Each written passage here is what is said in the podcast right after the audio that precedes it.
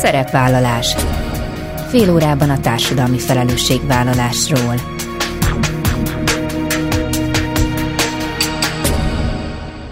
Jó napot kívánok! Bíró Bori köszönti Önöket. Adásainkban hétről hétre példákat hozunk arra, hogy egy-egy cég vagy intézmény, netán magánszemély, milyen formában, milyen eszközökkel járul hozzá anyagi gondok, társadalmi problémák orvoslásához, az életminőség javításához, a fenntartható fejlődéshez. Így módon is kifejezve, hogy felelősséget érez azért a környezetért, amelyben él és dolgozik.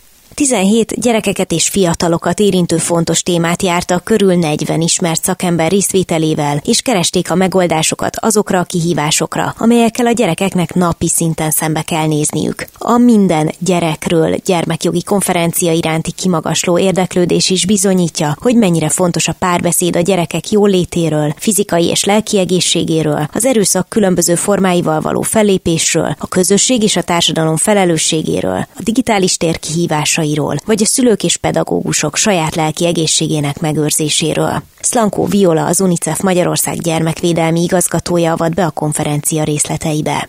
A magánadományozási szokások és trendek kevéssé ismertek Magyarországon, míg a civil szervezetek számára sem áll elegendő információ rendelkezésre, pedig sok szervezet működési költségeinek akár 50%-át is magánemberek adományai teszik ki. Vajon mennyit és hogyan adományozunk jótékony célra? A nők vagy a férfiak adományoznak inkább? Ilyen és ehhez hasonlóan fontos kérdéseket járt körbe a NIOK alapítványa Pulzus kutatóval közösen végzett reprezentatív kutatásában. Szigel Andrea, a NIOK Senior program vezetője mesél a kutatás eredményeiről. Ezek a mai témáink, tartsanak velünk! Szeretettel köszöntöm a telefonnál Szlankó Violát, az UNICEF Magyarország gyermekvédelmi igazgatóját. Jó napot kívánok! Jó napot kívánok, köszönöm szépen a meghívást. Novemberben tartották az éves gyermekjogi konferenciájukat minden gyerekről címmel, és ennek keretében tartottak egy kerekasztal beszélgetést, ami azzal foglalkozott, hogy mik azok a legfőbb kihívások, amik a gyerekeket napjainkban érintik, és arra gondoltam, hogy talán induljunk onnan, hogy egy picit tegyük keretbe, és a, az ön szakmai szemével ránézve, hogy hogyan is vannak valójában a mai gyerekek. Igen, hát akkor talán érdemes onnan indítani, hogy a gyerekjogi konferenciánkat ugye november 20-a apropóján szerveztük, november 20-a a gyermekjogok világnapja, és hát alapvetően a, azokkal a témákkal foglalkoztunk a konferencián leginkább, amik az UNICEF-nek a látóterében vannak, vagyis a mi kiemelt témáinkat tettük a konferencia fő csapás irányává, nevezetesen a gyerekek és fiatalok mentális egészségét, az erőszakmentes gyerekkort, valójában az a gyerekek védelmét, de szó volt azért egyéb témákról is, amikről azt gondoljuk, hogy érdeklik a hallgatóságot. Ilyen volt például a családjogi kerekasztal, vagy a családjogi témáknak a beemelése a palettánkba, vagy pedig a mesterséges intelligencia, ami, ami úgy tűnik, hogy egyre inkább foglalkoztatja az embereket gyerekvédelmi szempontból is. Arra a kérdésre választ hogy hogy vannak ma a gyerekek, hát nagyon nehéz. Azt hiszem, hogy nagyon különböző gyereksorsok vannak, illetve nagyon különböző a, a gyerekek jól léte a társadalmi státuszuktól is függően, tehát különböző problémák érintenek különböző helyzetű gyerekeket. Nyilván, hogyha a társadalom egészét nézzük, vagy, vagy próbálunk egy tágabb, objektív képet adni arról, hogy hogy vannak a gyerekek ma, akkor azért mindenképpen ki kell emelnünk azokat a nagyobb fontosabb témákat, mint akár a szegénység, társadalmi kirekesztettség, vagy az oktatás helyzete, vagy az egészségügyi ellátás, vagy nem ellátásnak a problémája. Úgyhogy azt hiszem, hogy mindegyik témáról ugye nagyon sokat lehetne beszélgetni, de a mi fő témánk most itt a konferencián az a gyerekek lelki egészsége volt, és az erőszakmentes gyerekkor. Talán pont az az egyik legnagyobb kihívás, amit az imént említett, hogy óriási a különbség a társadalmi csoportok között, és ezt talán felnőttként az ember már megtanulja kezelni, és kicsit könnyebb eligazodni a világban, de ezt egy gyerek sokkal jobban érzi, vagy legalábbis nehezebb egy gyerek számára szerintem egyetlen ezt megérteni, és mozogni ilyen szempontból a világban. Hát igen, az, az biztos, hogy, hogy a hátrányokat, azokat, hát ha nem is nagyon tudatosan, de hát mindenképpen megérik azok a gyerekek, akiknek ebben a leginkább van része. Itt talán érdemes kiemelni egyébként akár az állami gondozott gyerekeket is Magyarországon ma 23 ezer olyan gyerek van, akik kiemeltek a családjából, tehát gyerekvédelmi szakellátásban, gyerekotthonokban vagy nevelőszülőknél él. Velük is egyébként foglalkozik az UNICEF közvetve, vagy közvetlenül is a kilátó programján keresztül tehát az ő helyzetükre is van némi rálátásunk. Ez a gyerekcsoport például az, aki talán a leghátrányosabb ma Magyarországon, akik olyan alapvető hiányokat szenvednek el, mint, mint a saját családjuk, ugye, tehát ők vannak megfosztva a családi gondoskodástól, és aztán pedig egy olyan gyermekvédelmi rendszerbe kénytelenek növekedni, boldogulni, amik a legalapvetőbb szükségleteikre sem tudnak gyakran reagálni. Gondolok itt akár a, a megfelelő minőségű ételre, de akár arra, hogy a gyerekotthonok egy részéből alapvető infrastruktúra is hiányzik, és igen, ezek a gyerekek egyébként megélik a, a társadalmi kirekesztettséget napi szinten, tehát iskolában, egyéb közösségekben nagyon nehezen tudnak felzárkózni, úgyhogy hát azt látom, vagy hát azt gondoljuk, hogy ezeknek a gyerekeknek valóban nagyon nehéz, és rájuk különös figyelem kéne az államtól, ugye az államnak kötelessége azokról a gyerekekről gondoskodni, akikről például a családjuk nem tud, úgyhogy igyekszünk az ő helyzetükre is ráirányítani a figyelmet.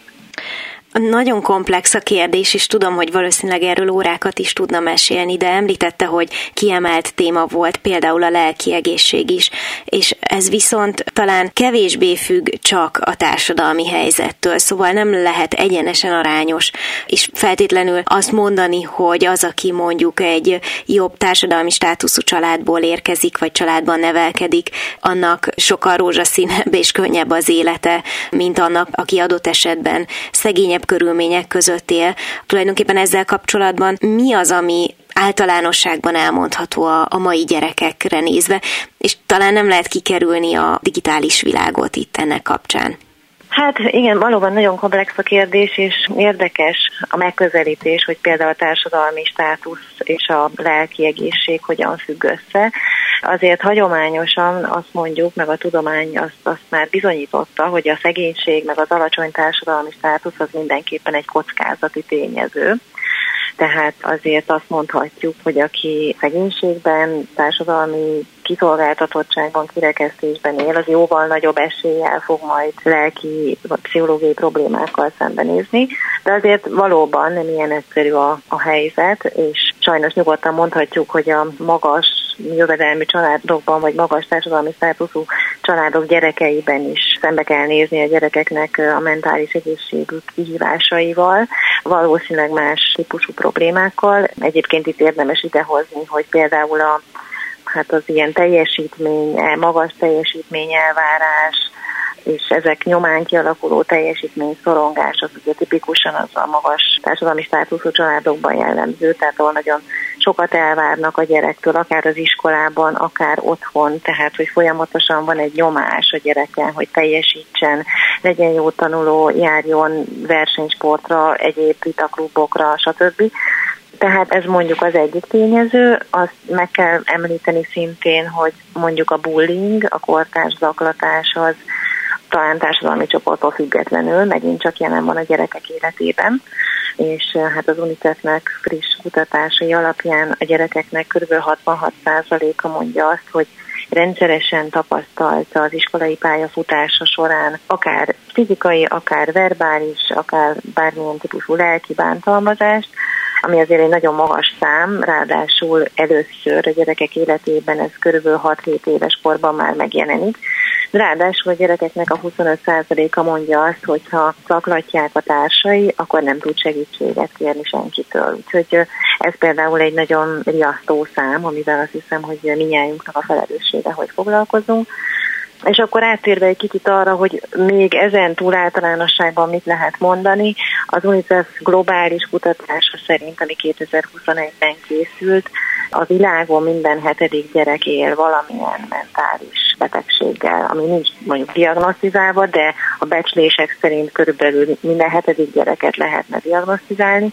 Ezeknek a mentális betegségnek a legnagyobb része szorongáshoz vagy depresszióhoz köthető, és amit még itt mondjuk el szoktunk mondani, és sajnos az egyik legriasztóbb adat, az az, hogy a világon a negyedik vezető halálok a tínédzserek körében az öngyilkosság, Európában viszont már a második. Hát ez valóban nagyon szomorú, és itt a segítségkérést említette az imént. Ugye alapvetően gyerekekkel, gyerekjogokkal foglalkozik az UNICEF, de talán nem haragszik meg, hogyha egy picit a szülőkről, meg a tanárokról is beszélünk, mert szerencsés esetben a gyerekek családban is egy nagyobb társadalmi környezetben nevelkednek, hogy az ő kihívásaikról esett szó a konferencián, mert talán nem választható azért nagyon külön a felnőttek, illetve a szülők, tanárok és a gyerekek élete.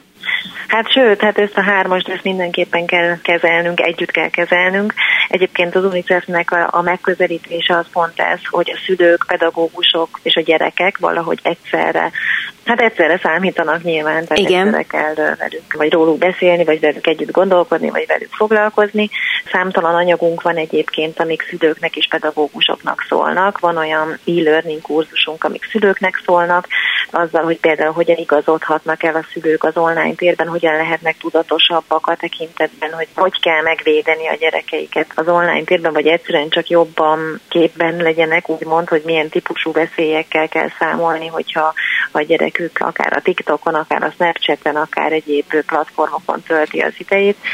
Ugyanígy tanároknak is készült már e-learning kursunk, az például a tanárok lelki egészségével foglalkozik. És akkor innen azért átkötném ezt a gondolatot oda, hogy azért természetesen mindez megint csak nem az egyén felelőssége, tehát nem terhelhetjük az egyénre mindazt a felelősséget, amit gyakran a körülmények, a környezet ró rá, tehát hogy nem várhatjuk el se a tanároktól, se a szülőktől, hogy ők egy olyan kontextusban, egy olyan környezetben jól legyenek, amik objektíve nagyon nehéz nekik, tehát szerintem itt azt is mindig alá kell húzni, és, és erről beszélgettünk a konferencián is, hogy ahogy a szülőnek felelőssége van a gyerek életében, úgy a közösségnek, az államnak, a politikai döntéshozatalnak meg felelőssége van abban, hogy, hogy a családok, szülők hogyan boldogulnak. Tehát, hogy egyszerűen akkor, akkor tudunk jó szülők lenni, és akkor tudunk jó pedagógusok lenni, vagy gyerekekkel foglalkozó szakemberek, hogyha erre adottak a körülmények,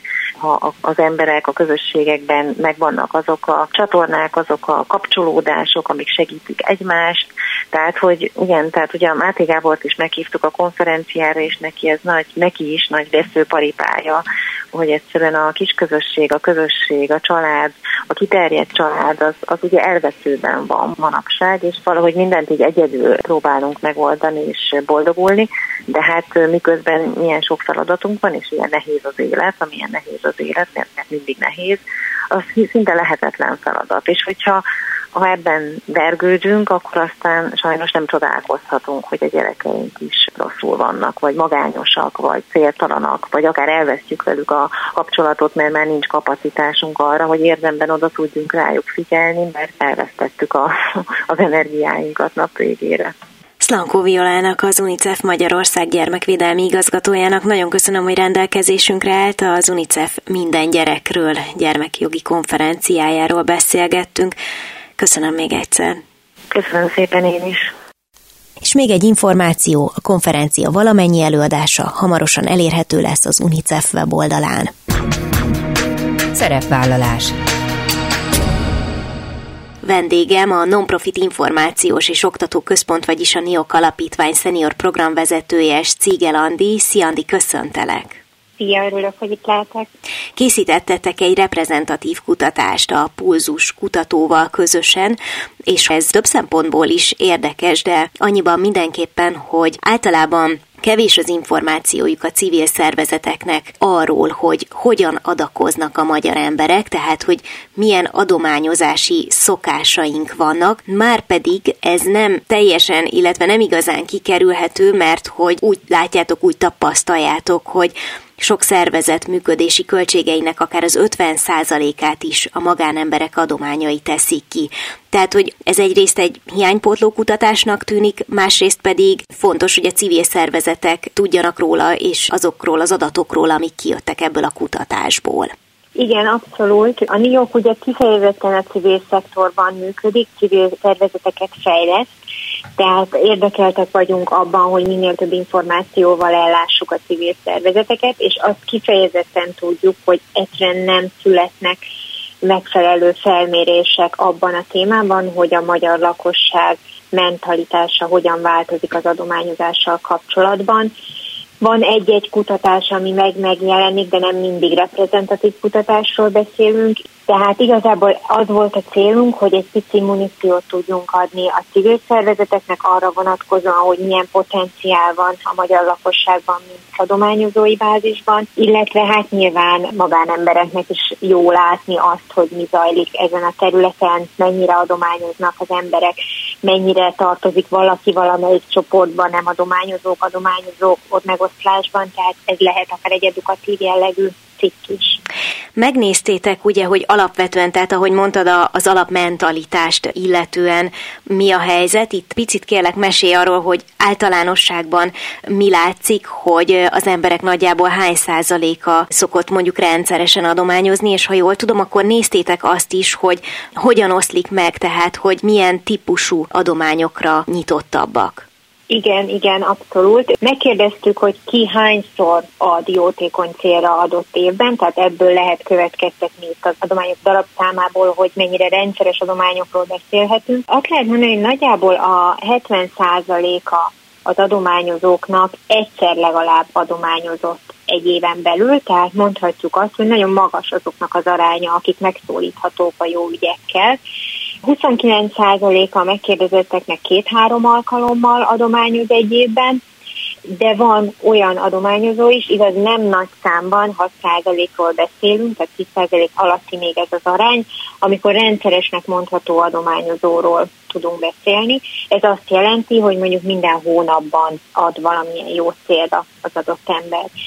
Ez azért nagyon fontos, mert a civil szervezetek számára ez a pici bázis, ez a rendszeres adományozói bázis, ez az, ami a legtöbbet éri, hiszen a hosszú távú kiszámítható működést teszi lehetővé számukra, hogyha azt látják, hogy egy magánadományozói bázisból folyamatosan van pici, apró tételek esetén bevétele, tehát hogyha csak 1000-2000 forintról is beszélünk egy adott hónapban, de az folyamatosan érkezik, és mondjuk van egy szervezetnek több száz ilyen adományozója, akkor ez már egy olyan bevételi bázis, amire működési költségeket is lehet akár tervezni, és ez a típusú adomány, ami ilyen módon érkezik, ez hatalmas segítség tud lenni a civil szervezeteknek, és hát nyilván az egyszeri vagy a két-háromszori adományozókból lesznek később ezek a rendszeres adományozók, hogyha a szervezet meg tudja szólítani őket, és ki tudja építeni azt a lojalitást, amivel kötődni fog az az adományozó egy szervezethez.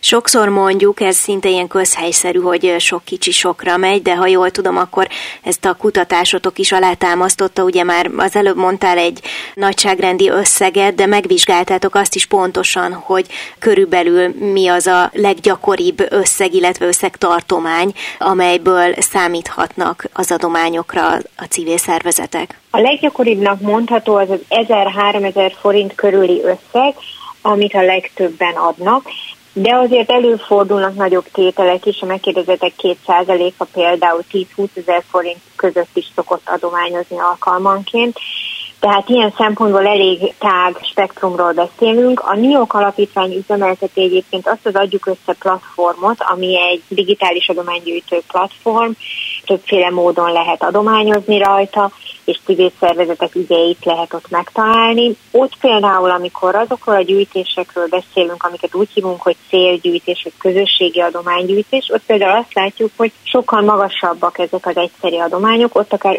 5-10 ezer forint is lehet egy egyszeri adománynak a nagyságrendje, tehát ez azt mutatja, hogy egy szervezet jó üzenettel tudja megszólítani a célcsoportját, és egy nagyon konkrét ügyel kampányol, akkor ott meg lehet szerezni azokat a nagyobb összegeket is, amik mondjuk egy átlag 1000-3000 forintos adományhoz képest már egy jelentős nagyságrendnek számítanak.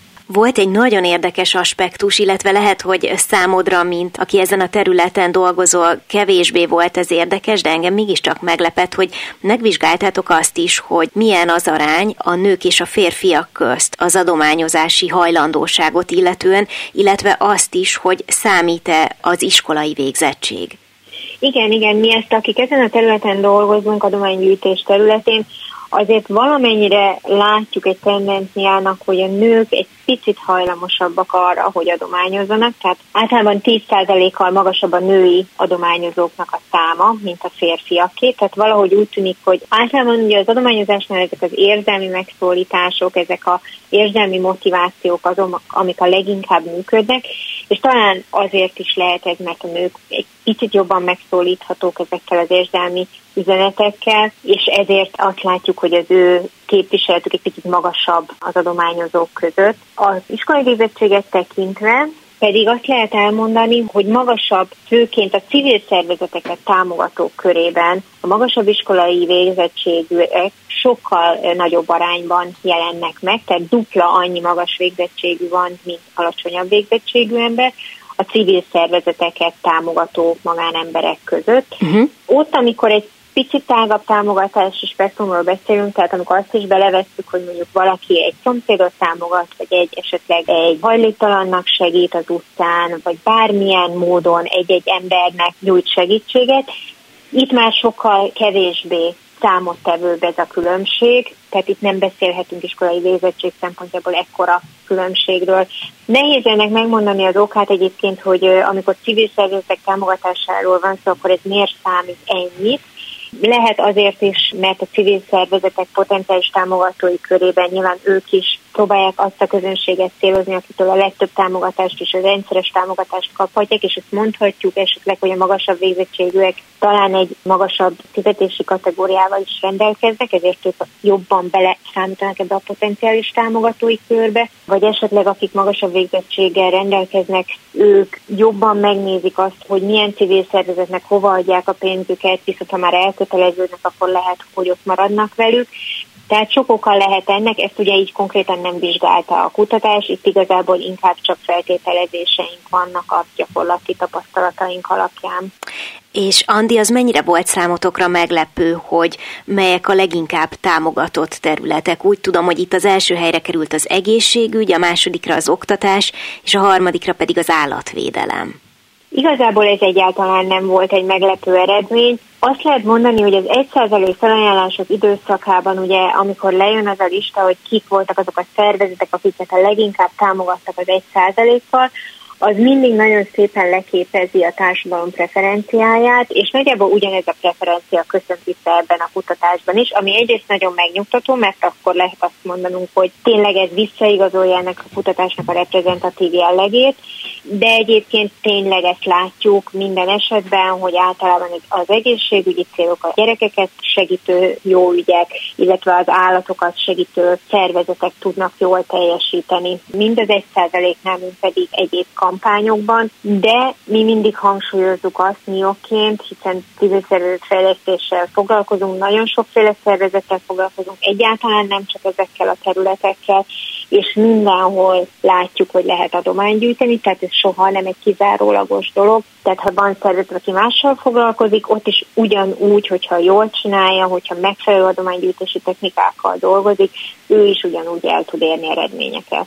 És a végén még csak arról, hogy ugyan egész évben szoktunk beszélgetni, tehát azok a témák, amiket ti hoztok a köztudatba, azok általában univerzálisak, vagy egész évben aktuálisak tudnak lenni, de azért így, hogy most közeledik az év vége, talán érdemes megragadnunk az alkalmat, mert egyrészt ti látjátok ugye az adjuk össze.hu adatai szerint, hogy több mint egy harmada az éves adományozásnak az általában ebben az időszakban történik meg, és ez mondjuk olyan szempontból mindenképpen érdekes, hogy ilyenkor talán hajlamosabbak az emberek többet is költeni minden egyébre, tehát ugye amellett, hogy költenek, érdemes odafigyelni a közösségekre is, és a rászorulókra, vagy azokra, akiknek egyébként segítségre van szüksége.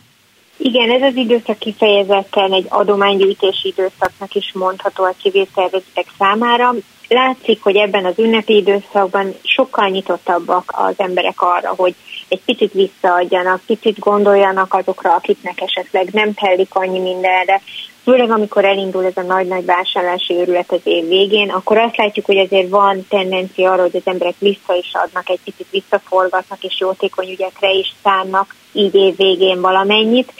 Tehát ez, ez egy teljesen jól látható tendencia, az adjuk összén is azt lehet mondani, hogy a közösségi adománygyűjtésekből tényleg az éves átfolyó adományoknak az egyharmada ilyenkor fut be.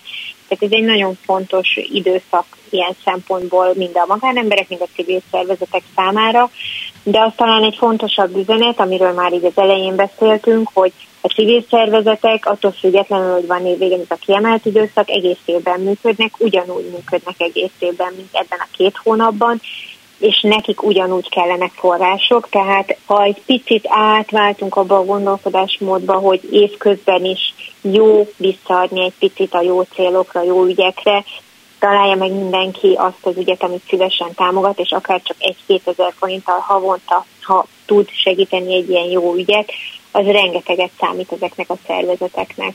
Ennél jobb üzenettel szerintem nem is tudnánk zárni, és Cigel Andinak, a NIOK Alapítvány szenior programvezetőjének köszönöm szépen. Köszönöm én is a lehetőséget.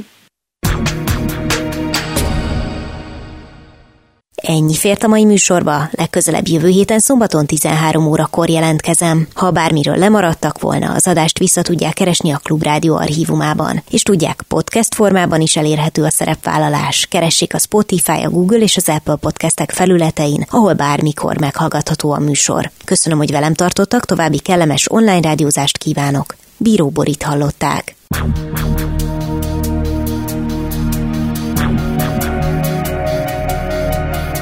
A Szerepvállalás című műsorunkat hallották.